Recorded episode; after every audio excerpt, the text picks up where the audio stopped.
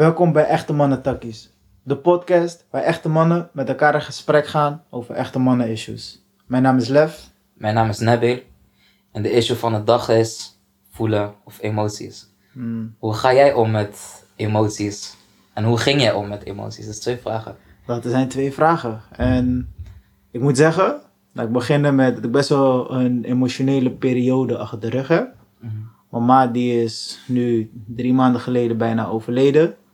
En ehm, daarvoor, net voor de lockdown, kregen we te horen, dus in maart, dat ze uitgezaaid longkanker had. En dat, eh, dat in principe ze niet erg hersteld kon worden. En ook emotioneel was het een rollercoaster, want opeens hadden ze wel soort van medicijnen voor haar, voor haar kanker gevonden, die levensverlengend zouden werken. En na zoveel maanden kwamen ze erachter van shit, ding heeft toch niks gedaan, is helemaal niet aangeslagen. Dus ook dat was best een emotionele rollercoaster. En to double down, dus tijdens, tijdens de lockdown ging ik weer bij haar wonen om voor haar te zorgen. En heel veel oude trauma, zeg maar, tussen ons in. Ze had een, ehm, vanaf mijn geboorte had ze een postnatale depressie. En sowieso door alles wat zij heeft meegemaakt in haar leven, op, opeenstapeling van trauma, is ze ook eh, is een bepaald soort persoon geworden. Waardoor, niet per se dat we een moeilijke relatie hadden, maar waardoor je gaat denken van, wat betekent het om een liefde, uit een liefdevol huishouden te komen? Wat, eh, wat mag ik scharen onder liefde en wat, wat mag ik scharen onder ehm, heel veel zorg? En ik heb het gevoel, ook door de dingen die ik lees, eh, iets wat ik gelezen heb was bijvoorbeeld Bell Hooks, All About Love. En daarin, eh, daarin schetst ze juist een breder begrip van liefde en wat liefde mag inhouden. En als je op een bepaalde manier door je ouders bent benaderd, sommige ouders bijvoorbeeld die geven je klappen en zeggen dan dat ze dat doen uit liefde. En zij maakt de case van, joh, dat kan je geen liefde noemen. Je kan heel veel dingen over ouderschap, kindrelaties zeggen, zorg en zo. Maar liefde mag echt wel meer betekenen.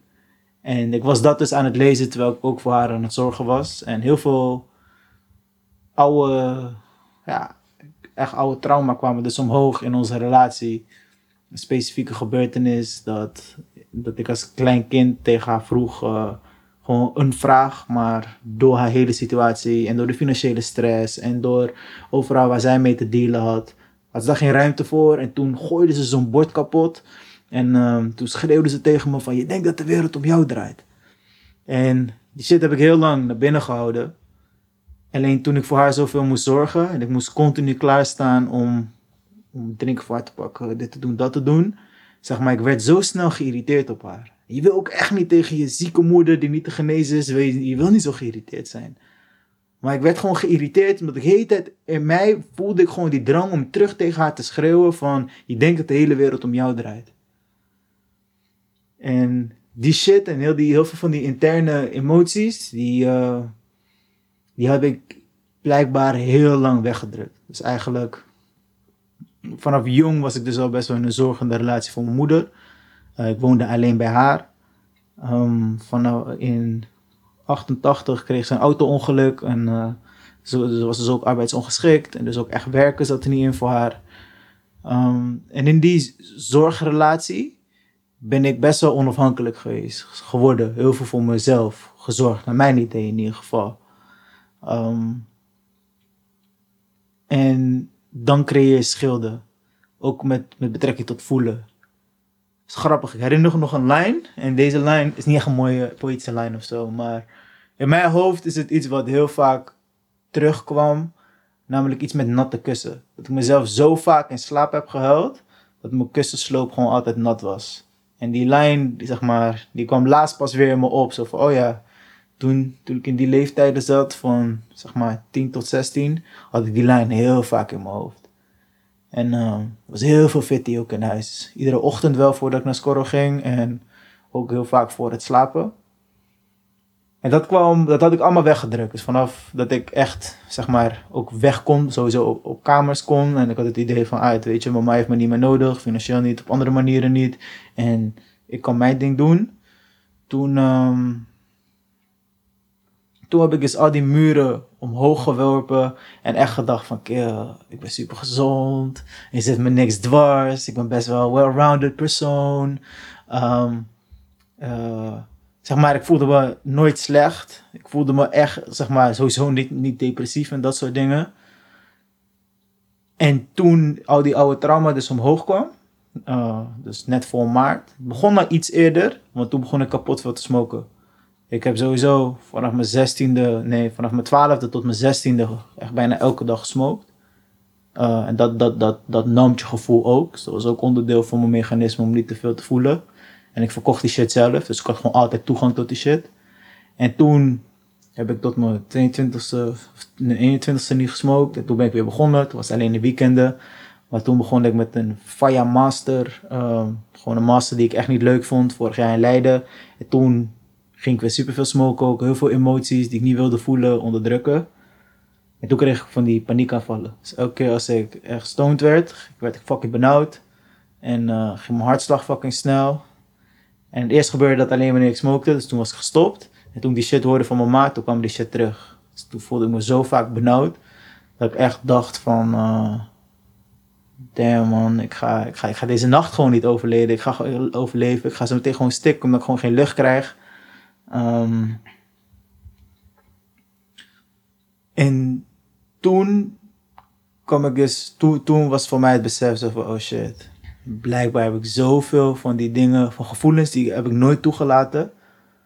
Um, en dat heeft geresulteerd in inderdaad best wel oppervlakkige emoties ervaren. Dus naar mijn gevoel, um, hoe ik het heb ervaren, ik ben ook nooit verliefd geweest. Of echt op die manier echt blijdschap. En op die, op die manier echt kunnen hechten aan iemand. Omdat ik daar zoveel positieve gevoelens uit haalde. Ik vind mijn partners echt hele bijzondere mensen. Ik heb voor ze gevoeld en ik, ik was met veel plezier bij hen. Maar echt dat ik met volledige hartstocht en emotie bewogen werd door ze. Dat niet echt. En dat ook met heel veel andere dingen niet echt. Um, dus hoewel ik dat hele negatieve niet heb ervaren, had ik het hele positieve ook niet echt. En dus afgelopen half jaar met die paniekaanvallen, toen kwam wat meer gevoel omhoog. En hoe raar het ook was, ik was ook wel blij dat, um, dat ik weer kon voelen. Dus ik, ik, had even, ik was even in therapie. Uh, even echt twee sessies. Die tweede sessie was super fire. Daar gaan we nog in een andere episode over hebben. Over waarom die zo uh, shit was. Maar na die eerste sessie, ik kwam met mijn toenmalige vriendin, uh, dus na die sessie kwam bij haar, we gingen erover praten. En ik moest kapot hard huilen. Ik heb zo lang niet meer gehuild zoals ik toen bij haar in haar armen lag. Ik, moest gewoon echt, echt gewoon die ugly cry met geluid en shit. En, uh, en ik voelde me sad. Het was gewoon echt diep verdriet. En ik had lang niet meer echt gevoeld zoals dat. En ik voel heel veel liefde in mijn lijf. Zeg maar dat, dat, liefdevolle en, en uh, mensen het beste wensen. En dat soort gevoel dat ik iemand anders al het goeds gun. Dat is het gevoel wat ik wel vaak voel. En voor mensen dichtbij me, maar ook verder bij me weg. Maar echt gevoel naar mezelf toegericht. Dus emoties die niet voor anderen zijn. Zo van, maar echt, echt voor mezelf. Dat is best wel, dat was, zeg maar, ik was daar best wel ver vanaf. Toen, met die therapie en zo, kwam dat weer omhoog. En toen, in dezelfde week, ging mijn toenmalige vriendin bij me vreemd. En toen, bam, heel mijn oude defense mechanisme ging weer omhoog en ik voelde niks. Ik heb niet eens gehuild om die shit. Dus het moment, ze vertelde me dat. We hebben samen gebeld ook nog. Ik was wel boos. Maar ook dat, ook dat was twee uurtjes dat, dat mijn emoties even in de war waren. En daarna heb ik me best wel goed gevoeld. En eerst dacht ik van, hoe kan ik me zo goed voelen? En toen kwam ik beseffen, oh shit, dit is gewoon die defense mechanisme waar ik jaren op heb geteerd. Wat weer omhoog is gekomen. Gewoon in één keer. Ik had in diezelfde week ook, uh, ook therapie. En ik zei tegen haar, het was EMDR, traumaverwerking. Ik zei, sorry, ik kom gewoon echt niet bij die feels. In die eerste sessie, je gaat bij EMDR dan gewoon traumatische gebeurtenissen uh, ophalen. Zeg ze, oké, laten we terug naar die gebeurtenissen gaan, laten we erover praten. En ik moet, er waren gewoon zeven situaties. Bij toen ik het zei, toen moest ik gewoon huilen. Ik dacht echt van, damn man, het is eigenlijk wel fire dat die shit zo gaan is. Op dat moment raakte het me emotioneel echt. En tijdens die tweede sessie gingen we het weer proberen. Niks. Was gewoon zo van, gewoon net zoals vroeger. Vroeger had ik het ook in mijn hoofd. Het was niet alsof die situaties nieuw voor me waren. Het was gewoon zo van, ah ja, dat is gebeurd. Ewa ja. Ewa ja, dat is echt het beste hoe ik die shit, ja, zo voelt het nu ook weer. Ewa ja, dat is gebeurd. Ehm, terwijl ik weet dat het nog wel in mijn lijf zit. En ook af en toe ben ik nog steeds benauwd. Dus ik weet dat het ook in mijn lijf uh, zijn tol eist. Dat besef ik wel. Ik kan er niks aan doen. Ik uh, sta open om. Um, om, om, om, zeg maar te helen, om ook, om, om ook nog meer dingen die dicht zitten bij mij te openen, zodat ik nog een bredere scala aan emoties kan uh, voelen en dus ook um, kan groeien op die manier. Maar ik merk dat daar nog wel stappen in te vinden zijn. Dus als we het hebben over voelen, dan is dat ongeveer waar ik nu zeg maar in zit. En voor mij ook wel iets is van oké, ik wil meer voelen. Ik wil die hartstocht voelen. En ook voor mensen, maar ook voor mezelf. Ik wil, ik wil ook echt verdrietig kunnen zijn. En zeg maar de eerste nou, twee maanden nadat mama overleed, toen had ik veel mood swings. En dat is toch anders dan diep gaan voelen. Denk. En zo heb ik het ervaren in ieder geval. Van die mood swings. Dat is ook niet echt het doorleven van die emotie. Is wat gewoon heen en weer gegooid worden in emotie. En gewoon ook eens fucking sad zijn. En dan. Maar gewoon of zo. Niet zo. Niet anders. Zeg maar sad en verdrietig. Ook als hetzelfde woord in andere talen.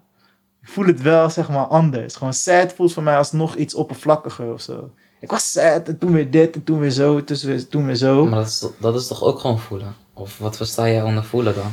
Wat is voor jou voelen? Kijk, het is niet dat, dat, dat ik geen gevoel heb, zeg maar. Ik heb kapot veel gevoel. Ik ben ook ik ben kapot gevoelige jongen. Uh, ook kapot gevoelige mensen. Ik heb het idee, mensen zijn sowieso per definitie gevoelige wezens. En als we dat ontkennen, dan kennen we een groot gedeelte van onszelf. Maar het soort gevoel waar ik, waar ik in kan zakken en me in kan verliezen. Zeg maar dat het niet aan me, hoe ik het een beetje voel of zo, alsof ik op een strand sta en, en het waait hard en je voelt toch al die zand over je heen. Zeg maar zo gevoelens. Dat, dat zijn voor mij die bijna oppervlakkig of gewoon echt letterlijk aan de oppervlak. Dus ik mhm. voel ze wel. Mhm. Maar bijvoorbeeld op dat moment dat ik zei dat ik zo brak of gewoon echt van het diep voelen, was ook mhm. één moment ik was, weer, was bij mama. Uh, en toen was ik de hele fucking, echt vanaf 7 uur in de avond tot met 1 uur in de nacht, was ik fucking benauwd. Echt, ik dacht echt van, kill, ik ga deze nacht gewoon echt niet overleven. Ik weet niet wat de fuck er mis met mij is. Ik ben fucking ziek. Ik heb waarschijnlijk ook uh, ziekte in mijn lijf. Ik weet niet, allemaal negatieve gedachten. Mm En toen lag ik in bed. En toen moest ik kapot hard huilen. Gewoon echt vijf minuten straight. Gewoon kapot hard huilen. Gewoon echt met geluid. Ik kon mezelf niet stoppen. Was dat voor jou wel voelen? Dat was echt voelen, want zeg maar, alles ging door me heen. En het was ook echt, die hele benauwdheid was gewoon weg. Ik heb gewoon urenlang fucking benauwd gevoeld. Eén keer kapot hard huilen. En ik was weer gewoon, weet je, ik, ik, kon weer gewoon ademhalen en zo. Dus eigenlijk, eigenlijk heb je zeg maar van op het moment van dat je het zeg maar totaal helemaal fysiek ervaart. En die hele controle los kan laten. Dat is voor jou meer voelen dan op het moment van dat je het oppervlakkig, dus zoals je het beschrijft, van eigenlijk dat aan de oppervlakte van je huid. Mm. Dat is het, dat zeg maar, jij wilt echt dat, dat het door je hele lichaam heen gaat. En dat je alles los kan laten. Dat is voor jou voelen. Ik wil het beide. Zeg maar, ik, ik, dat, voor mij is dat het idee van zo'n well-rounded person. En zo, tenminste, zo, zo denk ik over mezelf. Ik zou het beide willen hebben. Want ik heb nu het gevoel als ik dat dat ik dat zo erg apprecieer. Dat moment dat ik het even echt los kan laten. En dat ik echt voel van wauw, dit was echt emotionele ontlading. Mhm. Dat, dat, dat, doet me echt goed. En als ik dan jarenlang dingen ga opkroppen en die shit alleen maar oppervlakkig laat leven. En ik besef nu wat dat betekent als je dingen jarenlang zo oppervlakkig laat. Wat dat voor lichamelijke verschijnselen, althans bij mij heeft opgeroepen.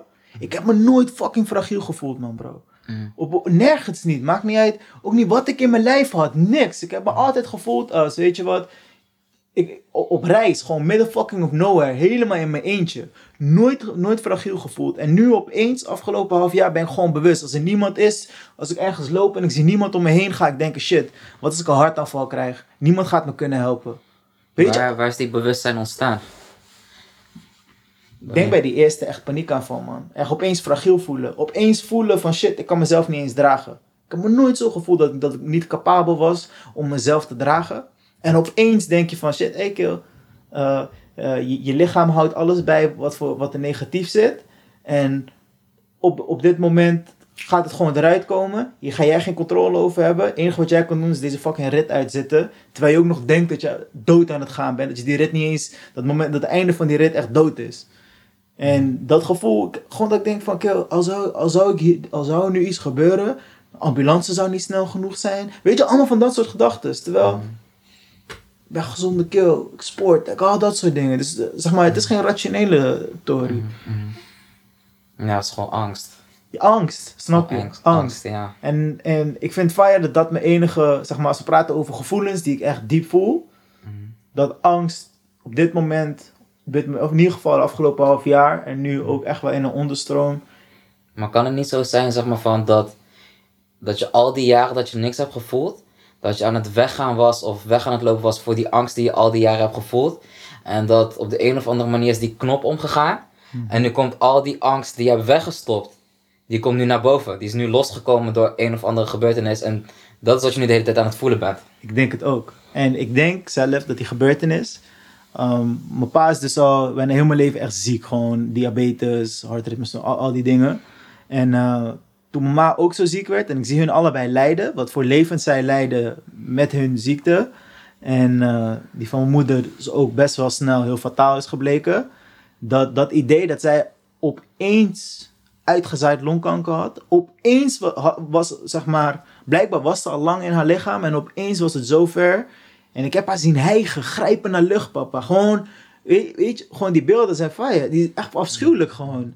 En als ik mijn pa zijn leven zie en hoe hij leeft, zeg maar, ik, ik zou dat echt niet, zeg maar, ik, ik ga er echt, voor mezelf, ik zou echt niet zo kunnen leven. En dus ik vind het beangstigend om te denken van shit man bro, als dit, zeg maar, zeg maar, het geeft me paniek dus, bijna letterlijk gewoon het idee van shit, wat als er iets mis is met mij, Uh, wat als ik dan niet meer dit kan doen voor mensen, wat, wat als ik dan niet meer dit zo kan leven, als ik niet meer, weet je, al die dingen. En dat zou ik nog erger vinden dan doodgaan, zeg maar. Zeg maar dat idee van als ik er niet meer ben, ah, ik, dan ben ik er niet meer. Maar echt dat, dat, dat lijdensweg tussen nu en, en, en overleden zijn. En zeg maar niet voor mezelf kunnen zorgen. Niet al dat soort dingen bij elkaar. Die shit geeft me echt, echt zorgen gewoon. Maar dan is het toch ergens ook wel logisch dat je alleen maar angst voelt. Die wordt de hele tijd geconfronteerd met situaties die angst bij je losmaken. Dus dan is het logisch dat de enige, tenminste de sterkste emotie die je voelt, angst is. Ja, maak het niet chillen. Nee, maar, Ja. ja, maar die bewustzijn kan er wel voor zorgen dat je er anders naar leert kijken, waardoor je die angst meer ruimte kan geven. Want op het moment dat je angst vermijdt, dan ga je er weer voor zorgen dat het weggaat. Tenminste, je denkt dat het weg is. En dan stop je het weg. En dan komt er weer een andere gebeurtenis. Dat is eigenlijk wat je al je hele leven lang hebt gedaan. Als je die angst gewoon continu toestaat van wat het is. En het laat zijn van wat het Maar wat is. betekent dat? Zeg maar, ik heb een paar keer gehoord inderdaad, mensen die zeggen van ja, je moet het toelaten, toestaan. Ik denk gewoon, ik denk dat dat betekent dat het gewoon echt voelen van wat je zegt. Van niet, zeg maar, niet die angst gaan rationaliseren of andere gedachten eroverheen proberen te gooien van nee, ik ben niet bang. Of weet je wel, of je... Nee, maar papa, se- serieus. Gewoon, Ik denk- ik denk- kom er niet omheen wat voelen, hè. Want ik zit daar, ik, zeg maar, als het dan opkomt, ik word fucking benauwd. Ik heb het idee, ik ga gewoon geen lucht meer krijgen. Wat kan ik meer doen dan daarmee zijn? Wat moet ik doen? Van, yeah, Lord, take me away. Ja, misschien gaat het wel helpen, maar... Ja. Ja. zeg maar, op dat moment, het enige wat de fuck ik voel is, ik, ik krijg geen lucht. Mijn hart gaat snel. ja. Eh, weet je, ik- het is niet alsof ik er weg kan rennen. Die shit er sowieso gewoon uitzitten. Afleiding zoeken. Ik heb jou een paar keer gebeld. Zo van, "Kill, ik krijg geen lucht. eh, praat met mijn papa. Mhm. Snap je? Dus wat, wat, wat, kan, je- wat zou je me kunnen aanraden? Zeg maar, wat kan, hoe kan ik nog meer hierin gaan zitten? Lastig man. Ik, bedoel, ik heb sowieso. Maar het is ook toen, toen we het over hadden, toch? Toen je me belde van toen je die paniekaanval had. En toen ik tegen jou aan het praten was. Je merkte hier, zeg maar van, ik was op een andere manier tegen jou aan het praten dan je eigen gedachten, toch? Weet je nog? Van, je werd, Mm. je werd er wel rustiger van. Mhm. Toen we het hadden, ik weet niet meer precies waar we het over hadden, maar, maar ik was met jou over andere dingen aan het hebben dan Ja, over die, over die gedachten. Ja, dat wel. Misschien is het juist inderdaad van goed dat je hebt gebeld. Want ik zit niet in jouw angst. Dus ik kan met jou praten vanuit buiten. Waardoor ik je kan geruststellen. Dus misschien is het juist fijn om iemand te hebben. Misschien is dat juist wat je moet doen. Je zou eigenlijk iemand moeten bellen die je geruststelt. Mhm. Waardoor je rustig van wordt. Ik denk dat je iemand moet bellen die je vertrouwt om. Ja, maar dat vind ik dan weer nare. Dat ik weer, dit iets is wat ik niet alleen kan handelen. Ja, maar Ja. uiteindelijk zijn we allemaal van elkaar afhankelijk. Is ook, is En ook. ik denk dat op het moment van dat het bij iemand anders zou gebeuren. En jij weet daarvan, dan zou je die andere ook helpen. Sowieso, 100%. Dus dan is het. Ja, het is grappig dat ik het zeg. Ik accepteer sowieso geen hoop. Maar weet dat van, het is wel belangrijk om op dat moment, dat soort momenten, hulp te accepteren. Ja. Ja, oké. Ehm, ik wil nu die vraag terugkeren over voelen en zo. Van dit, dit is iets, zeg maar, dit is sowieso iets waar ik, ehm, zeg maar, meer therapie, eh, meer therapie moet weer beginnen. Eh, Want ik heb het idee, ik moet hier wel wat mee. Want, zeg maar, ja, eh, maar het is, zeg maar, symptoombestrijding, toch? Ja, Iemand de hele tijd op de, op de hotline hebben, Ja. zodat je kan bedden, bellen, is symptoombestrijding. Dus het, is, het, is, het is love. Mhm. Maar dat, dat, dat- zeg maar, ik ben wel op zoek naar de, niet de fix, zeg maar, maar een manier om, om te om kopen. te verwerken. Precies, te verwerken. Mhm. Ehm, en jij, kan je mij iets vertellen van als je denkt aan voelen? Bro, mijn relatie met voelen is nog veel gekker, man. Even kijken. Zeg maar, ik heb vanaf een hele, hele jonge leeftijd heb ik al het gevoel, zeg maar, dat ik gedissocieerd ben met mezelf. Dat wil dus zeggen van, ik, zeg maar, ik heb een hele lange tijd, vanaf, vanaf een jaar zes, zeven of zo, misschien nog eerder, dat ik zeg maar ehm, niet mezelf als mens voel, maar dat ik naar mezelf kijk vanuit het perspectief vanuit de film. Alsof je zeg maar in een bioscoopzaal zit en je kijkt naar jezelf, maar je weet dat je naar jezelf kijkt en je weet dat je- jij dat bent. Hmm. En zeg maar, dat vanuit zeg maar, mensen die heel veel trauma's hebben meegemaakt, die, die leren zichzelf te dissociëren zodat ze niet meer voelen. Dus dat is een hele, hele sterke vorm van loskomen zeg maar, van mensen die continu achter elkaar trauma's meemaken. Zeg maar, omdat die trauma zeg maar, zo heftig is en je als kind of als mens te machteloos voelt. Maar je wilt van die angst, van die paniek, van die emoties wil je af toch?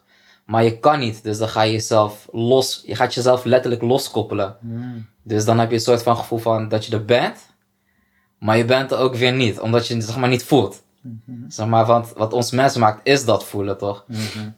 Ik weet niet precies wat zeg maar, de reden daarvan is, maar ik heb dat een hele, hele lange tijd gehad. En ik heb, net als jij, ook op een hele oppervlakkige manier gevoeld. Ik heb jarenlang niet gehuild. Ik heb, zeg maar, bij mij is het, bij mij is zeg maar de enige emotie die ik toen de tijd altijd toonde, was gewoon lachen. Hmm. Je weet toch, grappen maken, grappig zijn. Ja. Je weet toch van, als je naar me kijkt, moet je al lachen, je weet toch. Maar bij mij was woede was, was het grootste probleem, zeg maar. Bij mij duurt het heel lang voordat ik die grens van woede bereik. En dat is altijd zo geweest, zeg maar. Bij mij is het altijd continu opstapeling van opstapeling van opstapeling. En dan op het moment van dat die opstapeling zo hoog is en je grens die bij mij bereikt, dan begin ik gewoon zwart voor mijn ogen te zien. Hmm. En dan ga ik dingen doen, dan gaat die knop om en dan ga ik dingen doen. Bijvoorbeeld bij wijze van spreken van, ik weet nog op de basisschool van, dat ik dan zeg maar zo erg ruzie had. En dat op een gegeven moment, dat ik aan het vechten was met twee jongens tegelijk. En dat die knop, die sloeg om. Ik begon zwart voor mijn ogen te zien. En dat ik dan die persoon zeg maar gewoon, ik was nog op de basisschool, dus ik pakte die guy gewoon bij zijn keel. Ik pakte die guy bij, die keel, bij zijn keel, hè, bro. Van, ik drukte hem gewoon dicht. Gewoon tegen die herkanning, die hem gewoon dicht, terwijl ik die andere gewoon, weet je wel. En ik heb dat op dat moment heb ik het niet door, omdat ik dan soort van boven mezelf schiet. En ik heb vaker van dat soort momenten gehad, van dat ik dan zo boos word, boos, boos, weet je het stapelt op, stapelt op. En dan ga ik dingen kapot gooien, ga ik, ik heb een keer thuis, heb ik, eh, heb ik met mijn vuist door de spiegel heen geslagen. Hele spiegel kapot, sorry maar.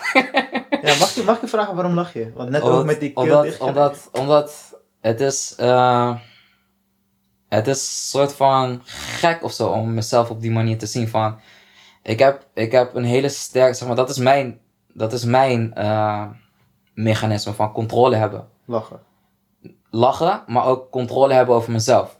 En ik vind het een soort van grappig dat, dat ik de controle over mezelf kan verliezen. Ik heb, zeg maar, door. Zeg maar, de enige controle die ik vroeger had is de controle over mezelf. Ik geloof ook van een soort zelfbeheersing, weet je wel. Van. niemand kan iets, eh, niemand kan iets bij me losmaken. Mhm. Zeg maar van, niemand kan me op die manier bereiken, want ik voel toch niks. Je weet toch van, wat wil je bij mij, wat wil je bij mij bereiken van? En op het moment van dat ik dan opeens zwart voor mijn ogen zie, dan is die controle, die gaat weg. Mhm. En het is zo, ik weet niet per se van waarom ik moest lachen. Is een goede vraag. Ik denk gewoon van, ik vind het gek. Van dat, dat, dat ik zo in elkaar zit. Hoe bedoel je zo? Dat je dan dat je zo'n punt hebt. Dat ik zo'n zo- punt heb dat ik gewoon zwart voor mijn ogen zie. Mhm. En gewoon in een woede uitbarsting kan omslaan. Heb je het idee dat als je, ehm, dat als je op een andere manier met gevoelens omgaat, zeg maar, als je wel toegang had tot een breder scala van gevoel, dat, Mhm. die, dat je die gradaties, tot met dat je bij dat zwarte punt bent, dus Mhm. beter kan aanvoelen. En Mhm. dus minder vaak daar hoeft te zijn, omdat je dan sneller of uit situaties kan. eh, Sowieso, sowieso. Maar het is ook, weet je wat het is? Van, ik heb, ik onderdruk het. hm, Zeg maar, ik heb, nu heb ik geleerd om die emoties toe te staan en ik voel dat ik boos ben. Ik erken bij mezelf dat ik boos ben. Dat deed ik eerst niet. Eerst ging het, eerst ging het gewoon meteen naar de oppervlakte. Mhm. Van, oké, van... Ik erkende niet dat ik die emoties had. Zeg maar, die hele scala van boos, verdriet, woede, angst. Mhm. Erkende ik niet dat ik dat had. Mhm. Omdat ik er zo los van gekoppeld was, kon ik het niet, herkende ik het niet. Mhm. En dan pas als het me te veel wordt, onbewust, omdat het meteen je toch, naar mijn onbewustzijn gaat op de een of andere manier, Mhm. komt die woede aanval. Mhm. Snap je? En ik heb veel later, ook, ook in therapie, heb ik veel meer geleerd om contact te maken met mijn lichaam. En door die contact met mijn lichaam kon ik veel, veel sneller bij mezelf herkennen van, oh nu ben ik boos. Oh nu voel ik me angstig. Oh nu voel ik dit. Oh nu voel ik dat. Mhm. Zeg maar, ik heb heel lang op de oppervlakte Mhm. geleefd, gewoon van niks voelen. Mhm. Dus het idee is eigenlijk, tenminste niet het idee, maar meer van je voelt het wel, alleen je bewustzijn is meer gericht op de oppervlak. Ja. Nee, je bewustzijn, zeg maar, het, het schiet zelfs je bewustzijn voorbij. Ik ben me niet bewust. Ja, precies. Ik ben me zo, ik was zo erg, ik was zo erg eh, afgesloten. Ik was zo erg eh namp van die shit. Dat ik niet eens voelde dat ik bang was. Ja.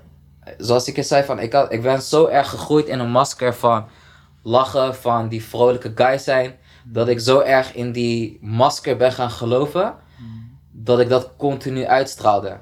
En dat iets anders wat, wat tegen die masker inging, dat dat meteen weg werd gestopt. Het werd gewoon, het werd niet geaccepteerd. Dus dan gaat het naar de oppervlakte, het wordt onderdrukt. Mhm.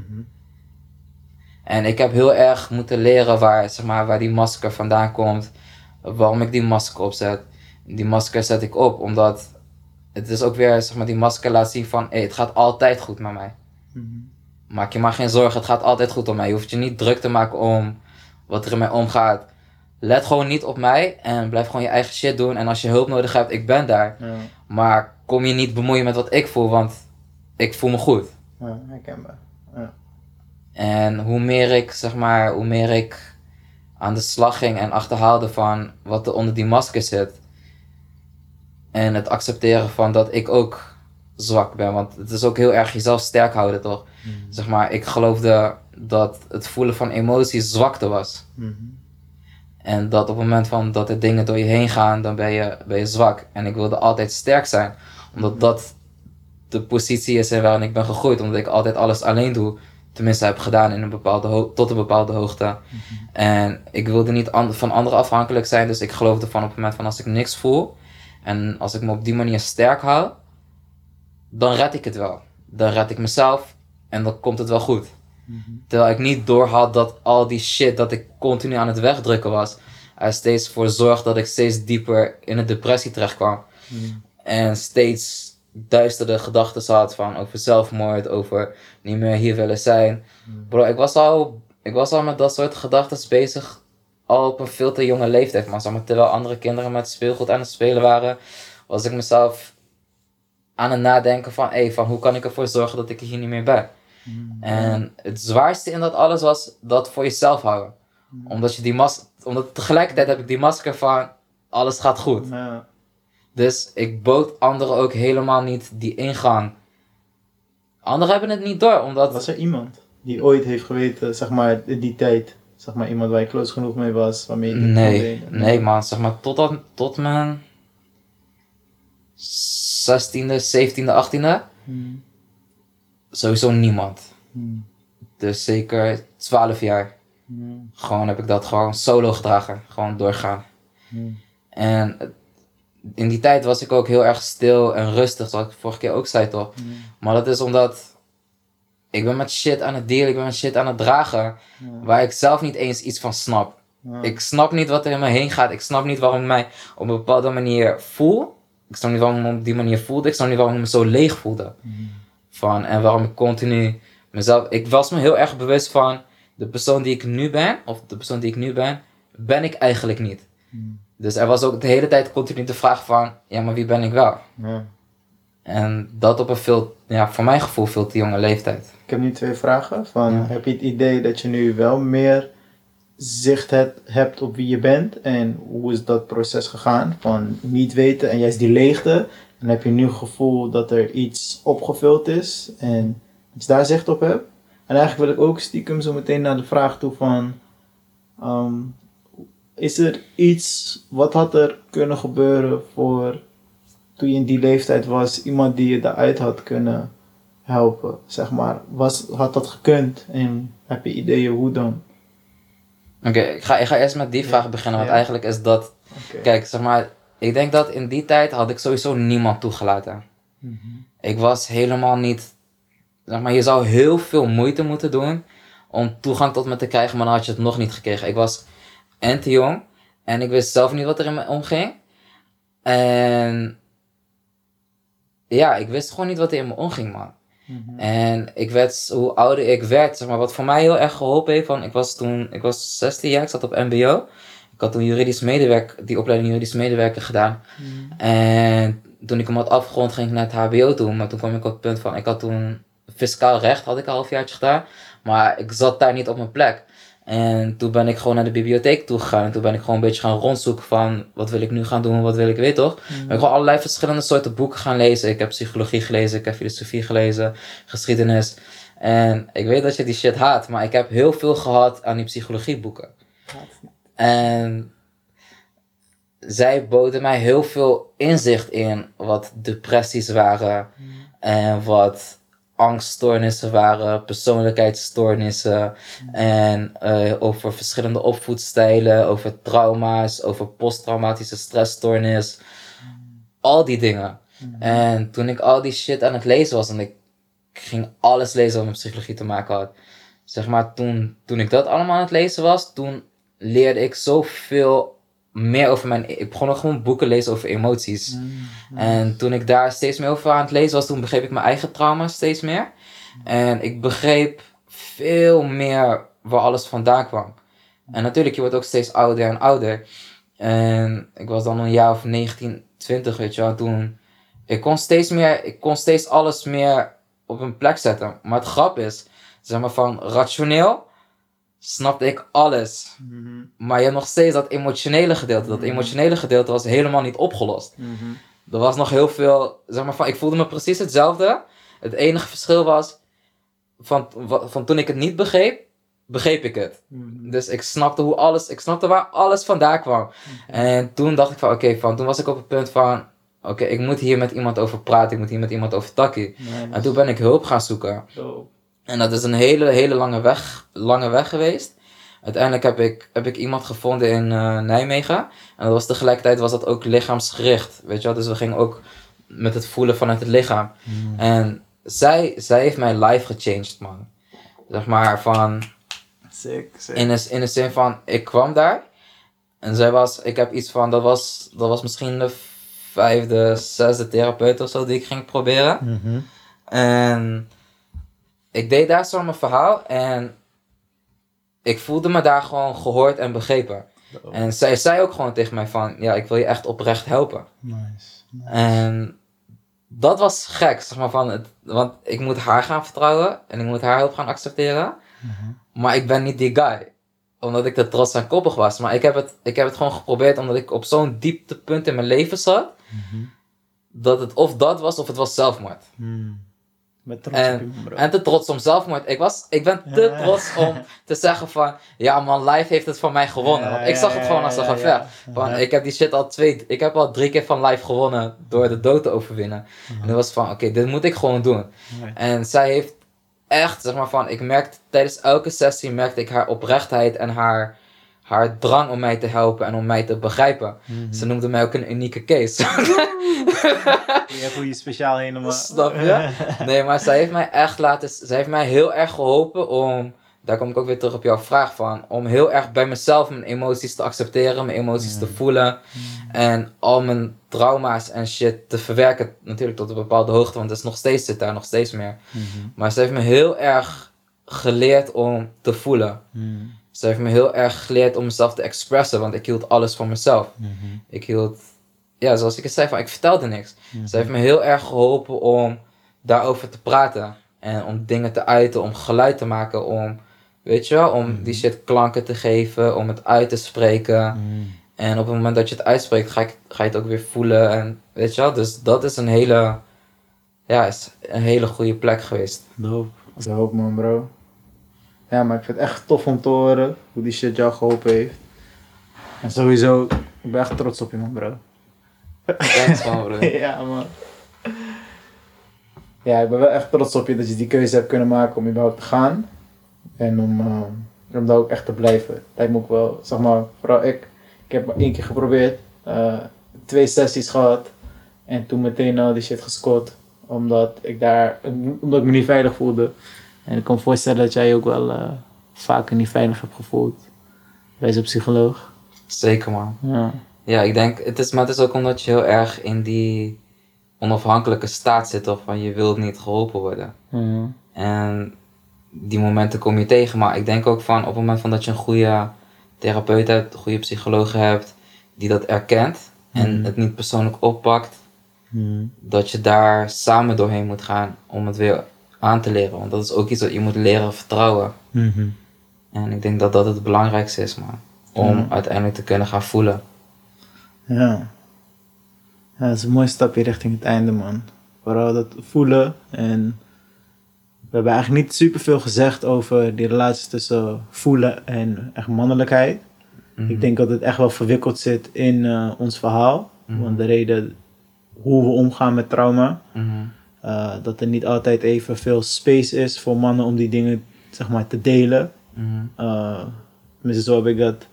Ik heb nooit het idee gehad dat de shit die ik als um, problematisch ervaarde, waar ik echt mee zat, om daar echt me- met mensen over te praten. Het is pas echt. Mhm. Sowieso sinds ik vriendinnetjes kreeg.